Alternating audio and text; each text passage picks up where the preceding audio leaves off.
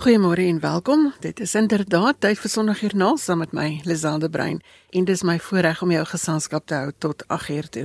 As jy vir die eerste keer ingeskakel is, moet jy jou regmaak vir positiewe inspirasie wat ons by jou los vandag. Ons gesels oor geloof, dankbaarheid en hoop. My gaste vanoggend is Dominee Awie Brand van Caledon Wes en ons gesels oor Louriesfontein se bazaar. 'n Sekere tyd van die jaar hier by my in my omgewing, hoor jy almal is op pad Louriesfontein toe omdat dit die naweek is wat die bazaar gehou word. Dominiels van Tonder vertel hoe die stal moes gelyk het waarin Jesus gebore is en Dr Willem Botha van die Woordeboek van die Afrikaanse taal gesels met ons oor 'n paar woorde wat met Kersfees verband hou. Ons het ook 'n klompie gedagtes gewissel oor Kersfees met 'n paar shackbouers en Quentin Adams. 'n Volprogram met stories wat fokus op die verskil wat geloof maak en daar's ook plek vir jou storie. Jy kan vir ons SMS by 45889. Dit kos R1.50 per SMS. Jy kan ook saamgesels op Facebook by Sondagjoernaal se blad. Jy kry ons op DStv se audiokanaal 813 en jy kan ons ook kry op die internet by rsg.co.za. Dit is nou ook wel waar Gerard Brits na ons luister. Hy is in Goma in die Demokratiese Republiek van Kongo. Môre Gerard, dankie dat jy vir ons laat weet het dat jy saam luister.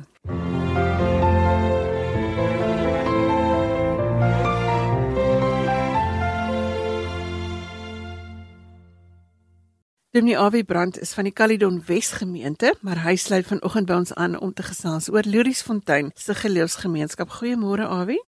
Môre, dankie. Waar is Louriesfontein en hoe is daardie gemeenskap saamgestel? Om by Louriesfontein uit te kom, moet jy so 400 km vanaf Kaapstad in die rigting van Namakwaland, Bushmeland ry. Dan so reg oor Reinsdorp draai jy weer af, dan tot by Nieuwdwil bo op Bokselsberg Daar draai jy weg na Louisfontein vir nog so 60 km teerpad. Louisfontein is so 520 km van Caledon. Dis nou waar ek bevoorreg is om deel van 'n geloofsgemeenskap te wees. Daar Louisfontein en sy mense, se bestaan is afhanklik van skaapboerdery. Natuurlik vir die afgelope 8-9 jaar is die hele gemeenskap deur 'n ongekende droogte verlam. En uh, daar was ook nou nie droogtehulpfonds van die regering so in die vorige rampdroogtes nie. En die droogte dis nou gelei tot 'n ongekende finansiële krisis. Jong boere het hulle plase verlaat en oor see gegaan werk.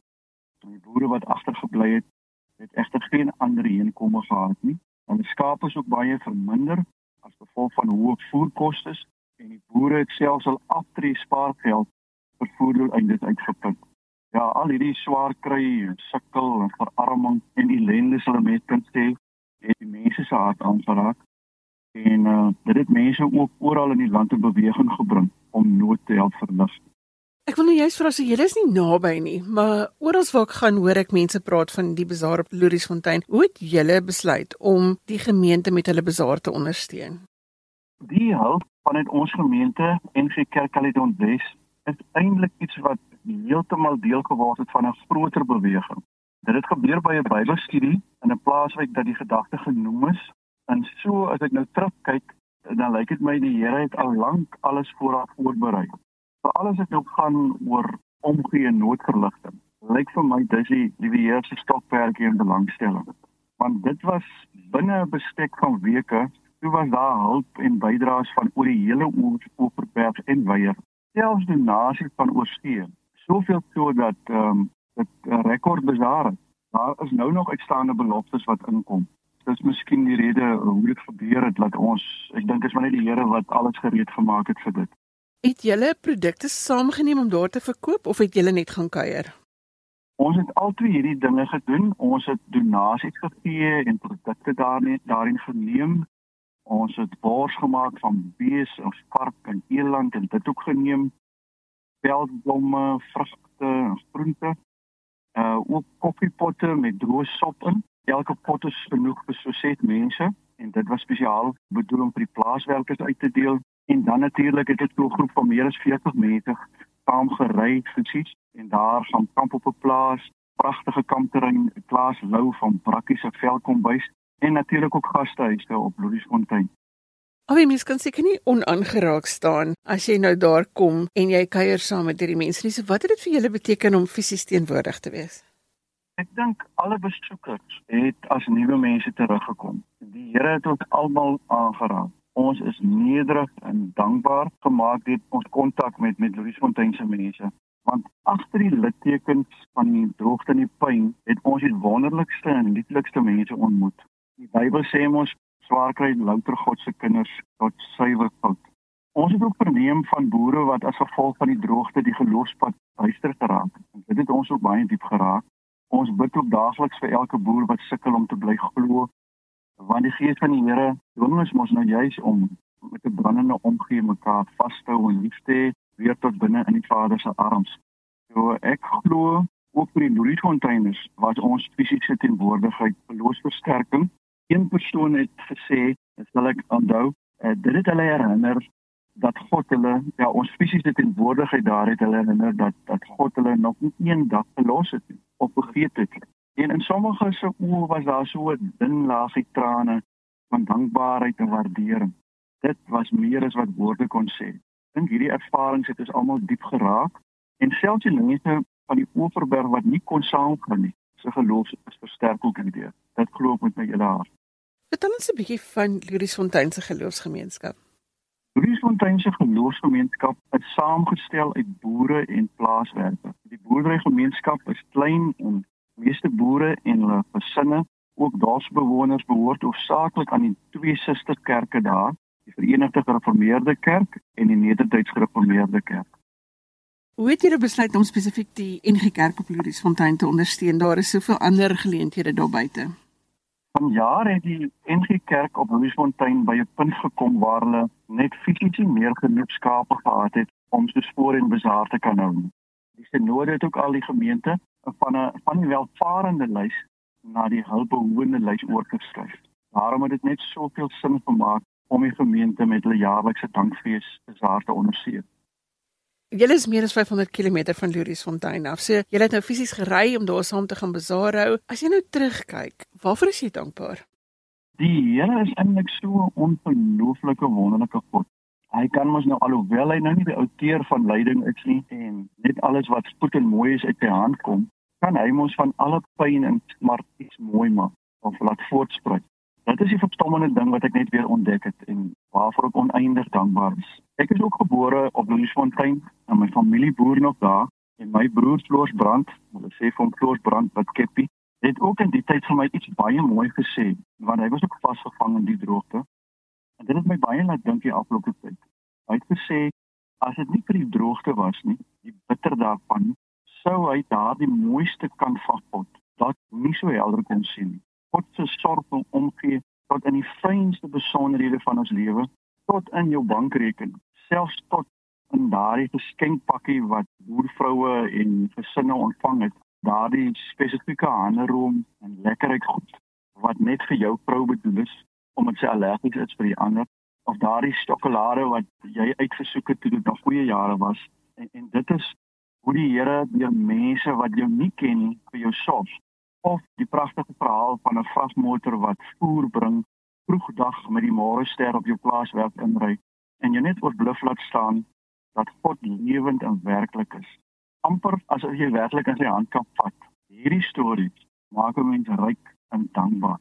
En natuurlik 'n ander groot rede tot dankbaarheid is die groot wins van vriendskappe en liefdesbande wat nuwe vriende aan mekaar bind. En uh, hoe die Here ons bewus maak van hoe min 'n mens werklik nodig het om sy blydskap aan jou te dra. Abi, waar lê die hoop in die storie van Doris Fontein se geloofsgemeenskap? Dis alles ek kan sê die hoop van Doris Fontein se gemeenskap en ook vir ons almal lê vir my daarin dat die droogte ons almal in ons land ek glo glo weier in ons land van oral in Suid-Afrika het daar al 'n hulp vir hierdie droogte ingestroom weer met nuwe oë na ander te swaar laat kyk. Dat is amper op 'n manier verslaaf geraak het daaraan om aan iemand goed te doen. Ontdek het om ander in hulle nood by te staan die grootste blyskap op aarde is. En die wat dan uitreik na mense in nood, ontvang dan eintlik meer as die wat ontvang. Een kosbare lidmaat en 'n boer in die gemeente hier by Caledon skenk twee bees om bors van te maak. Hy sê, en so pragtig, hy sê ek gee mos nie wat ek het nie. Die Here het mos klaar vir my die bees gegee. En dis die hoop wat ek nou in my dra. En dis wat hierdie storie by my losgemaak het. God gee eers vir ons elkeen iets, 'n boodskap, liefde, 'n nuwe perspektief op alles, talente, gawes, dalk besittings of selfs bees en dan sê hy vir ons ons moet weer gee vir die waarvan ons ontvang het, die wat nie het nie. En daar is my toe mooi vers in 2 Korintiërs 8 wat baie in my hart opkom. 2 Korintiërs 8 vers 12 vanaf vers 12. Daar staan die woorde as as die goeie wil daar is en iemand gee volgens wat hy het, neem God die gawe aan. Hy verwag nie van hom wat hy nie het. Vir my lê die hoop daarin dat ons verslaaf geword het aan die goeie wil van Jesus Christus. Ek sê die goeie wil aan alle tale en kulture is ons God se karakter. En dis die aangename geur wat ek glo en dis die hoop wat ons land 'n lig onder die nasie sal maak. Goeie wil van God is vir my die hoop van van alles wat gebeur het in met hierdie die sonpunt.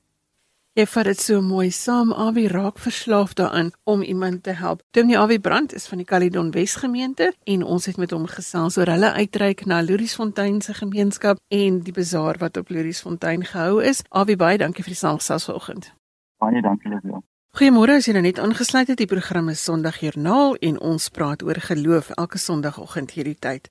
Ek hoop ons kan jou inspireer om vandag dankbaar te wees. As jy langs iemand se siekbed sit vanoggend, dalk 'n beroerte of iemand met kanker, dalk die virus wat weer onder almal versprei, onthou die kleinste gebaar bring soms die grootste oorwinnings. Wees net teenwoordig en maak seker jy dra lig met jou saam waar jy ook al is. Laat weet vir ons waarvoor jy dankie sê vanoggend. Die nommer is 45889.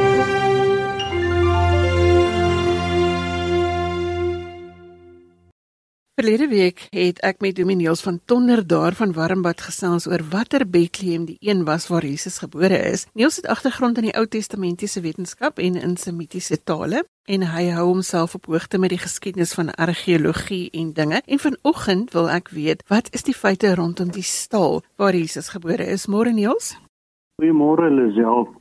Ja, ek het al geleer dat 'n mens se begrip van iets sterk beïnvloed word deur jou eie spesifieke waarneming. Ek dink byvoorbeeld aan die invloed wat kerskaartjies op die vorming van ons persepsie van die stal het waarin Jesus gebore is. Het Jesus se stal regtig soos die strooidak struktuurtjie gelyk soos wat dit op die kerskaartjies uitgebeeld word of is daar al argeologiese antwoorde gekry oor hoe die stal regtig gelyk het?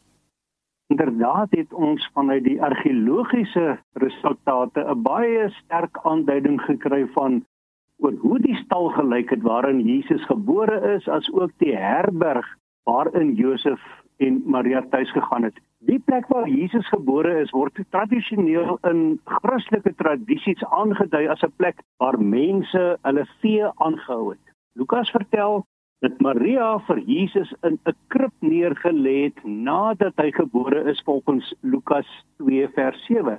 Nou ontstaan die vraag: Waar was die krib waarin Jesus neergelê is? In party kunswerke word die plek voorgestel as 'n stal wat in die omgewing van 'n huis gestaan het. In ander uitbeeldings word die plek as 'n grot voorgestel wat die mense destyds as 'n stal vir hulle diere gebruik het. Maar wat was die plek presies waar Jesus in 'n krib neergelê is? So ons weet Jesus se geboorte het met 'n volkstelling saamgeval. Begin ons daar. Ja, ons kan daar begin. Die evangelie volgens Lukas vertel dat Jesus in Bethlehem in Judea gebore is toe Josef daarheen gegaan het vir die volkstelling om ingeskryf te word. Josef in Bethlehem aankom, was al die herberge reeds vol bespreek en moes hulle in die stal vir diere tuis gaan volgens Lukas 2 vers 6 en 7.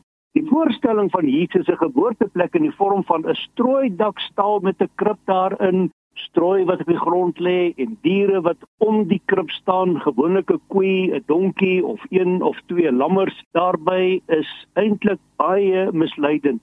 Dit is nie hoe stalle gedurende die eerste eeu voor en na Christus gelyk het nie. Jesus is ook nie in so 'n stal gebore nie. Judea is 'n land wat ryk is aan natuurlike grotte. Opgrawings het reeds aangetoon dat sulke grotte as huisvesting vir mense gebruik kon wees, maar ook as 'n stal vir 'n dier ingerig kon wees. Hoewel die moontlikheid nie uitgesluit kan word dat Josef en Maria in so 'n grot tipe stal kon tuis gegaan het nie, is die moontlikheid baie skraal dat Jesus daarin gebore kon word. Lukas vertel dat die herberg reeds vol was. Hoe het die mededeling nou betrekking op Jesus se geboorteplek? Dit oor die verstaan van die soort plek waar Jesus gebore is, lê in die Griekse woord wat met herberg vertaal word. Lukas 2 vers 7 vertel dat daar geen plek in die herberg was waar Josef en Maria kon oorbly nie. Die Griekse woord wat gebruik word om die herberg te beskryf is Kataluma. Nou elke dorp of stad het oor plekke beskik wat as 'n herberg bekend was. So 'n plek het voorsiening gemaak vir mense wat op reis was om daar tuis te gaan en te oornag. Lukas onderskei tussen twee soorte herberge. Die een is die Kataluma waar Josef en Maria tuis gegaan het Die woord beteken letterlik dat so 'n plek ingerig is om gasvryheid te betoon. Die ander soort herberg wat destyds bestaan het, word in Lukas 10 vers 34 'n pandogeion genoem.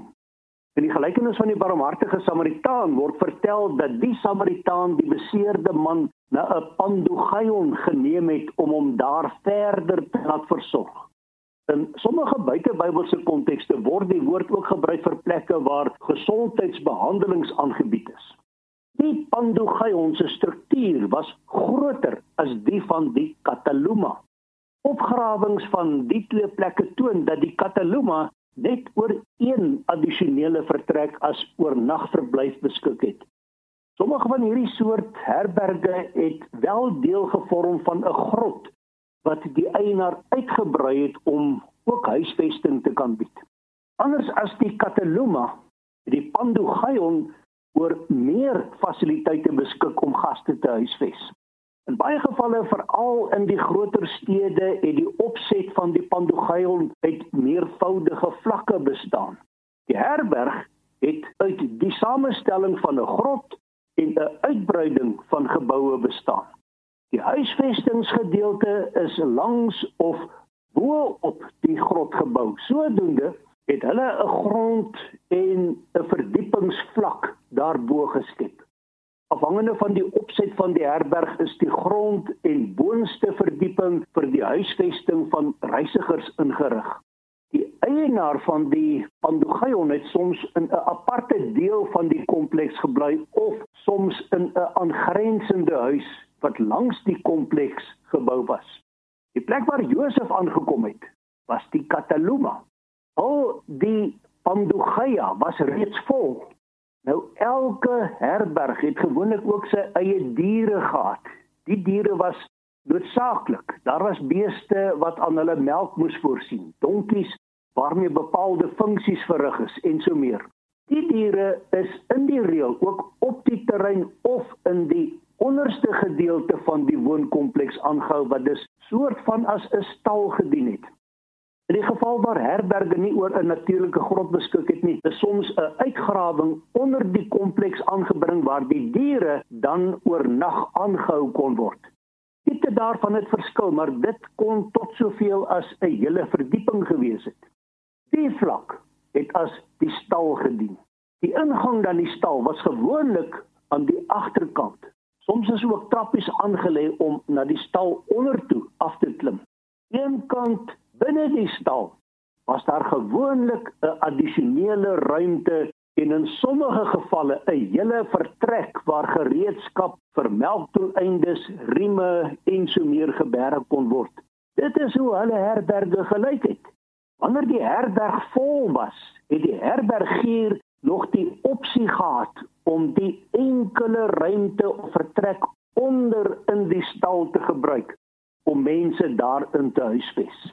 Met Josef en Maria se aankoms by die Kataluma was die plek reeds vol.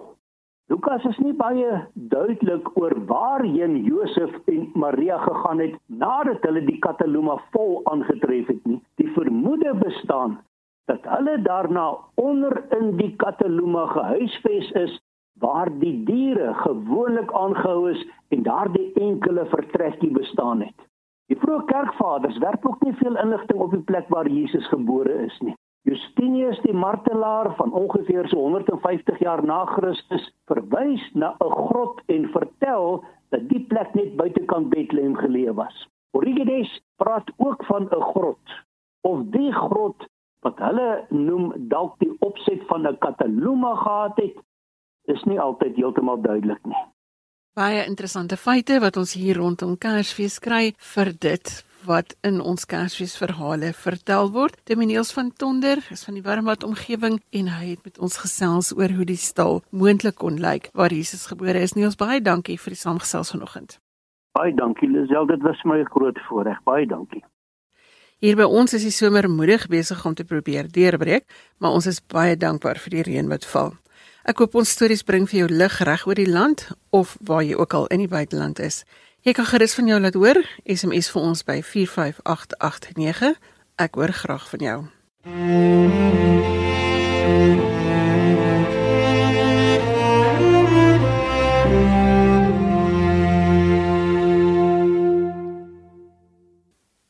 Dr Willem Botha is uitvoerende direkteur van die Woordeboek van die Afrikaanse taal en gewoonlik so hier met die groot dae gesels ons met hom oor die taal wat ons gebruik rondom 'n spesifieke feestyd en waar die woorde vandaan kom en vanoggend gesels ons oor Kersfees. Oor na jou Willem, goeiemôre.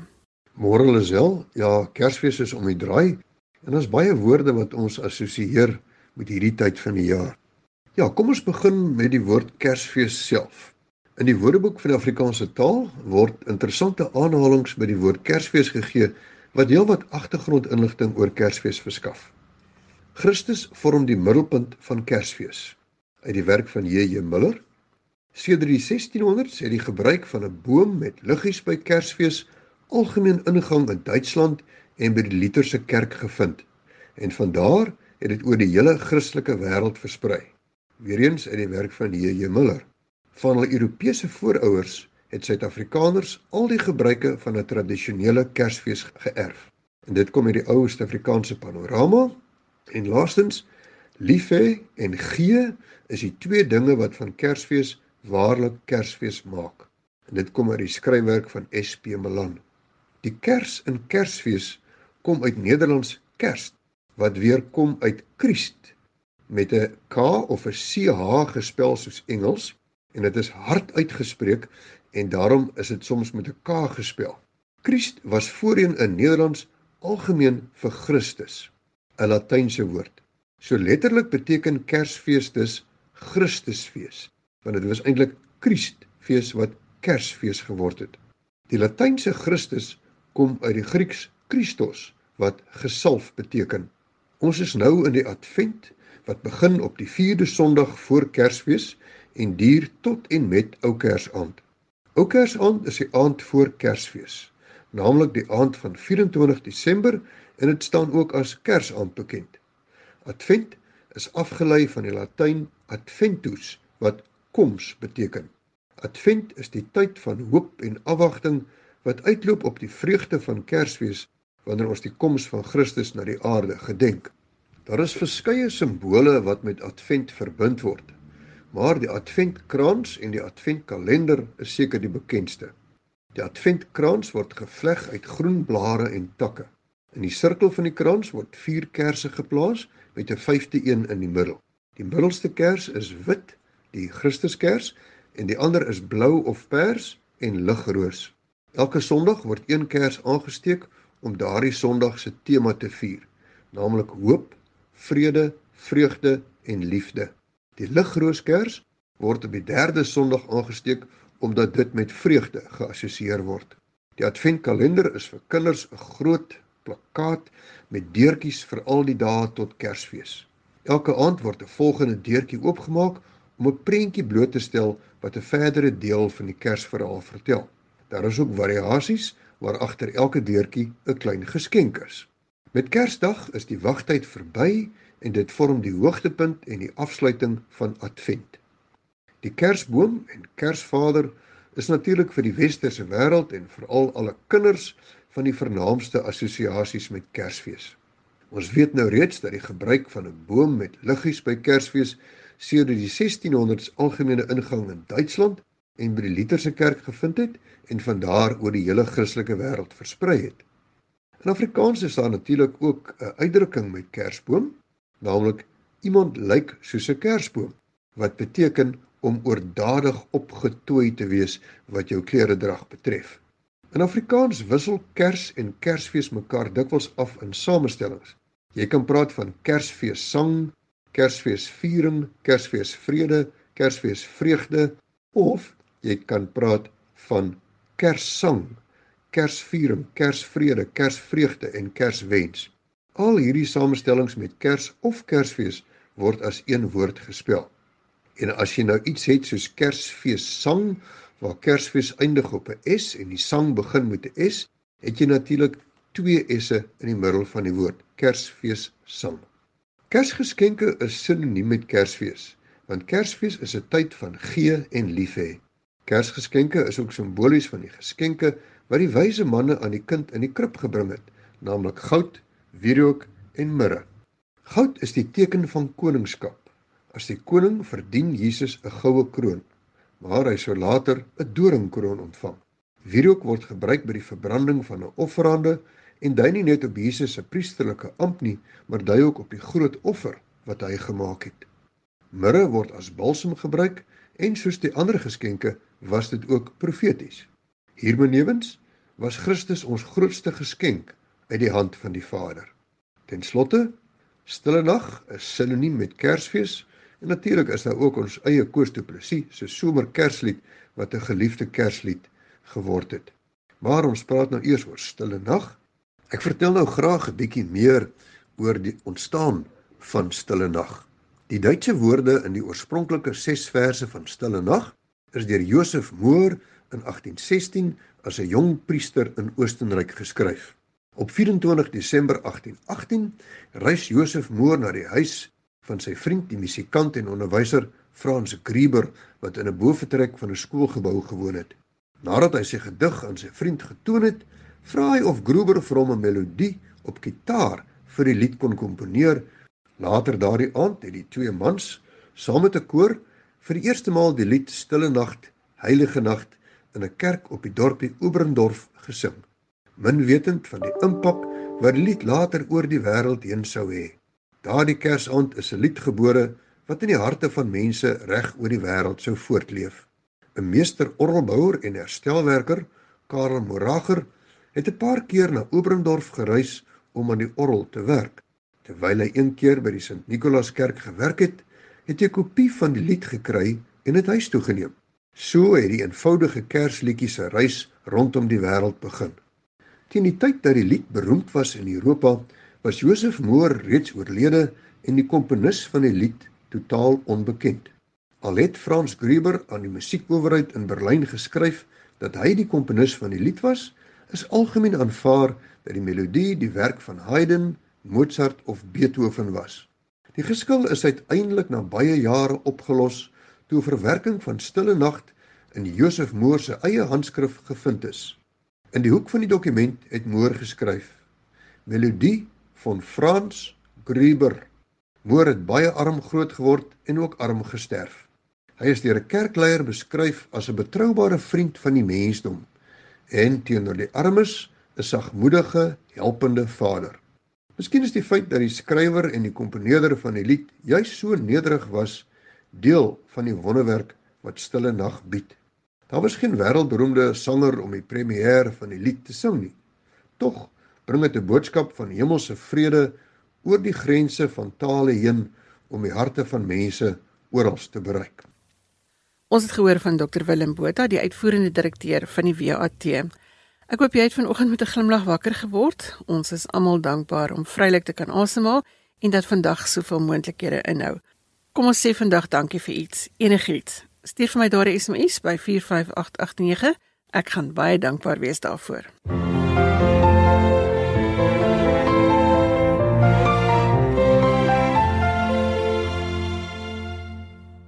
Ons het ook 'n klompie gedagtes gewissel oor Kersfees met 'n paar shackbouers en Quentin Adams. Goeiedag, my naam is Quentin Adams en ek is deel van die Shack Builders organisasie. Ek is woonagtig in Kuilsrivier en ek is baie opgewonde met die projek en waarmee ons besig is.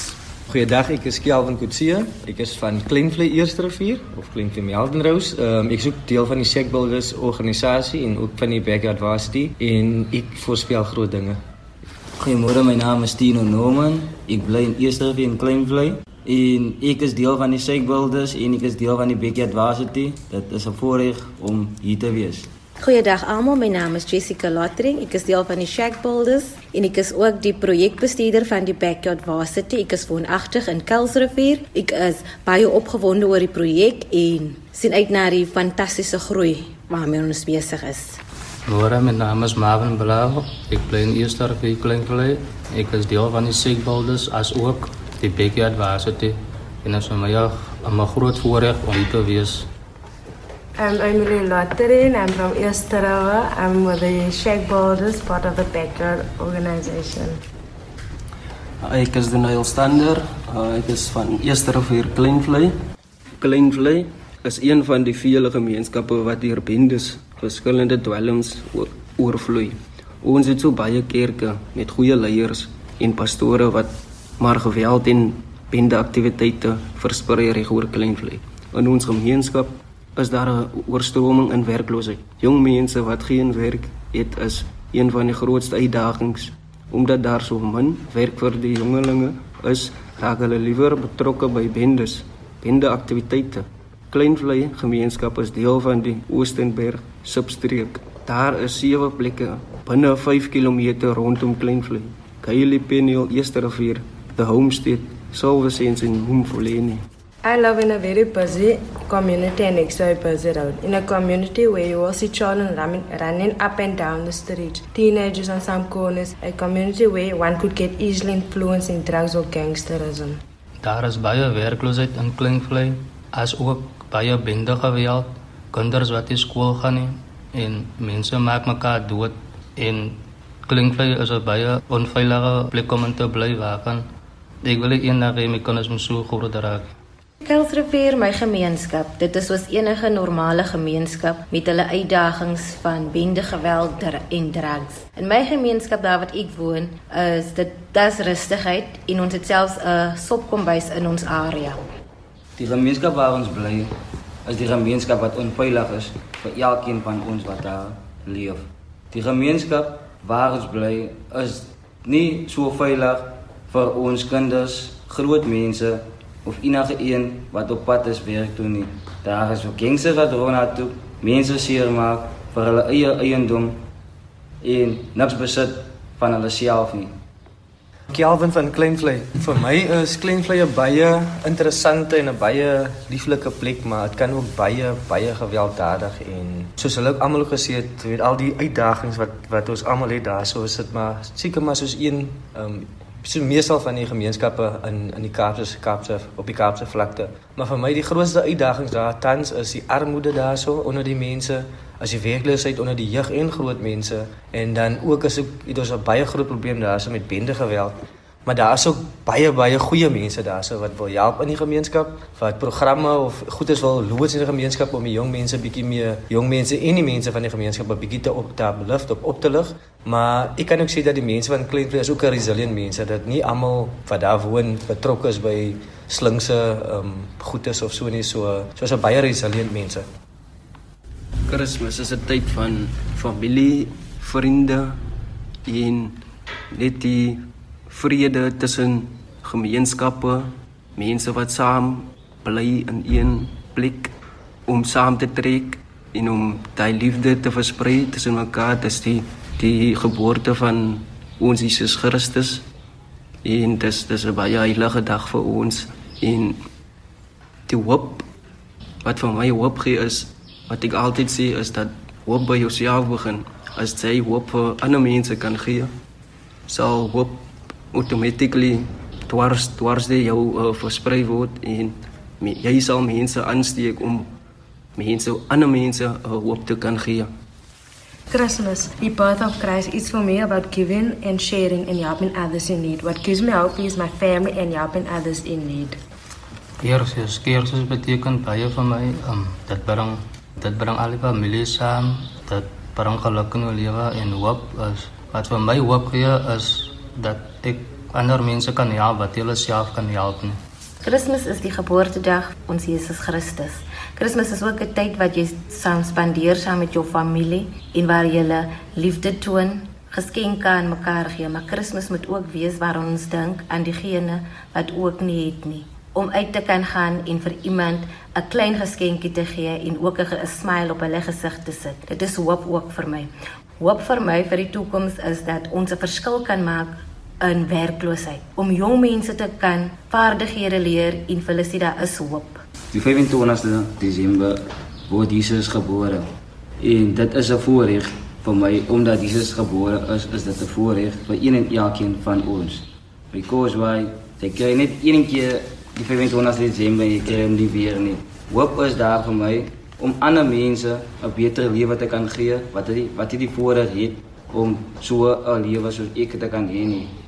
Vir my is Kersfees 'n tyd van refleksie, dat my so 'n bietjie terugdink oor hierdie oor die jaar wat nou al so ver verbygegaan het. Maar vir my het Kersfees 'n bietjie wegbeweeg van van wat sy waardes regtig is. Vir my is dit 'n tyd van gee soos Jesus, soos die Vader sy seun Jesus Christus vir ons gegee het. Baie mense is meer ge-worry oor presente en die Kersboom en die liggies.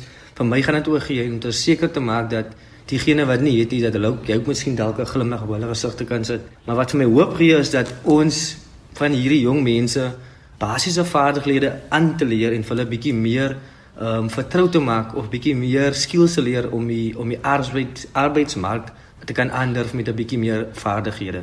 Vir my is Kersfees 'n tyd van gee. Is vir my 'n tyd waar families en gemeenskappe en ou vriende en almal bymekaar kom. Ek voel baie van die mense het dalk so 'n bietjie wegbeweeg van dit. Mense las geval gou gou fokus oor watter presente of watter skoene hulle moet koop of wat op die kersboom moet gaan. Maar vir my is dit tyd van gee vir my, soos die Vader sy seun vir ons gegee het, is dit my 'n tyd waar ons vir ander moet gee wat miskien nie so baie het nie. En wat vir my hoop gee vir die toekoms is om nog meer jong mense of nog meer werklose jeug meer hoop te gee deur die programme wat ons aanbied vir hulle en deur vir hulle te bemagtig en vir hulle skills aan te leer.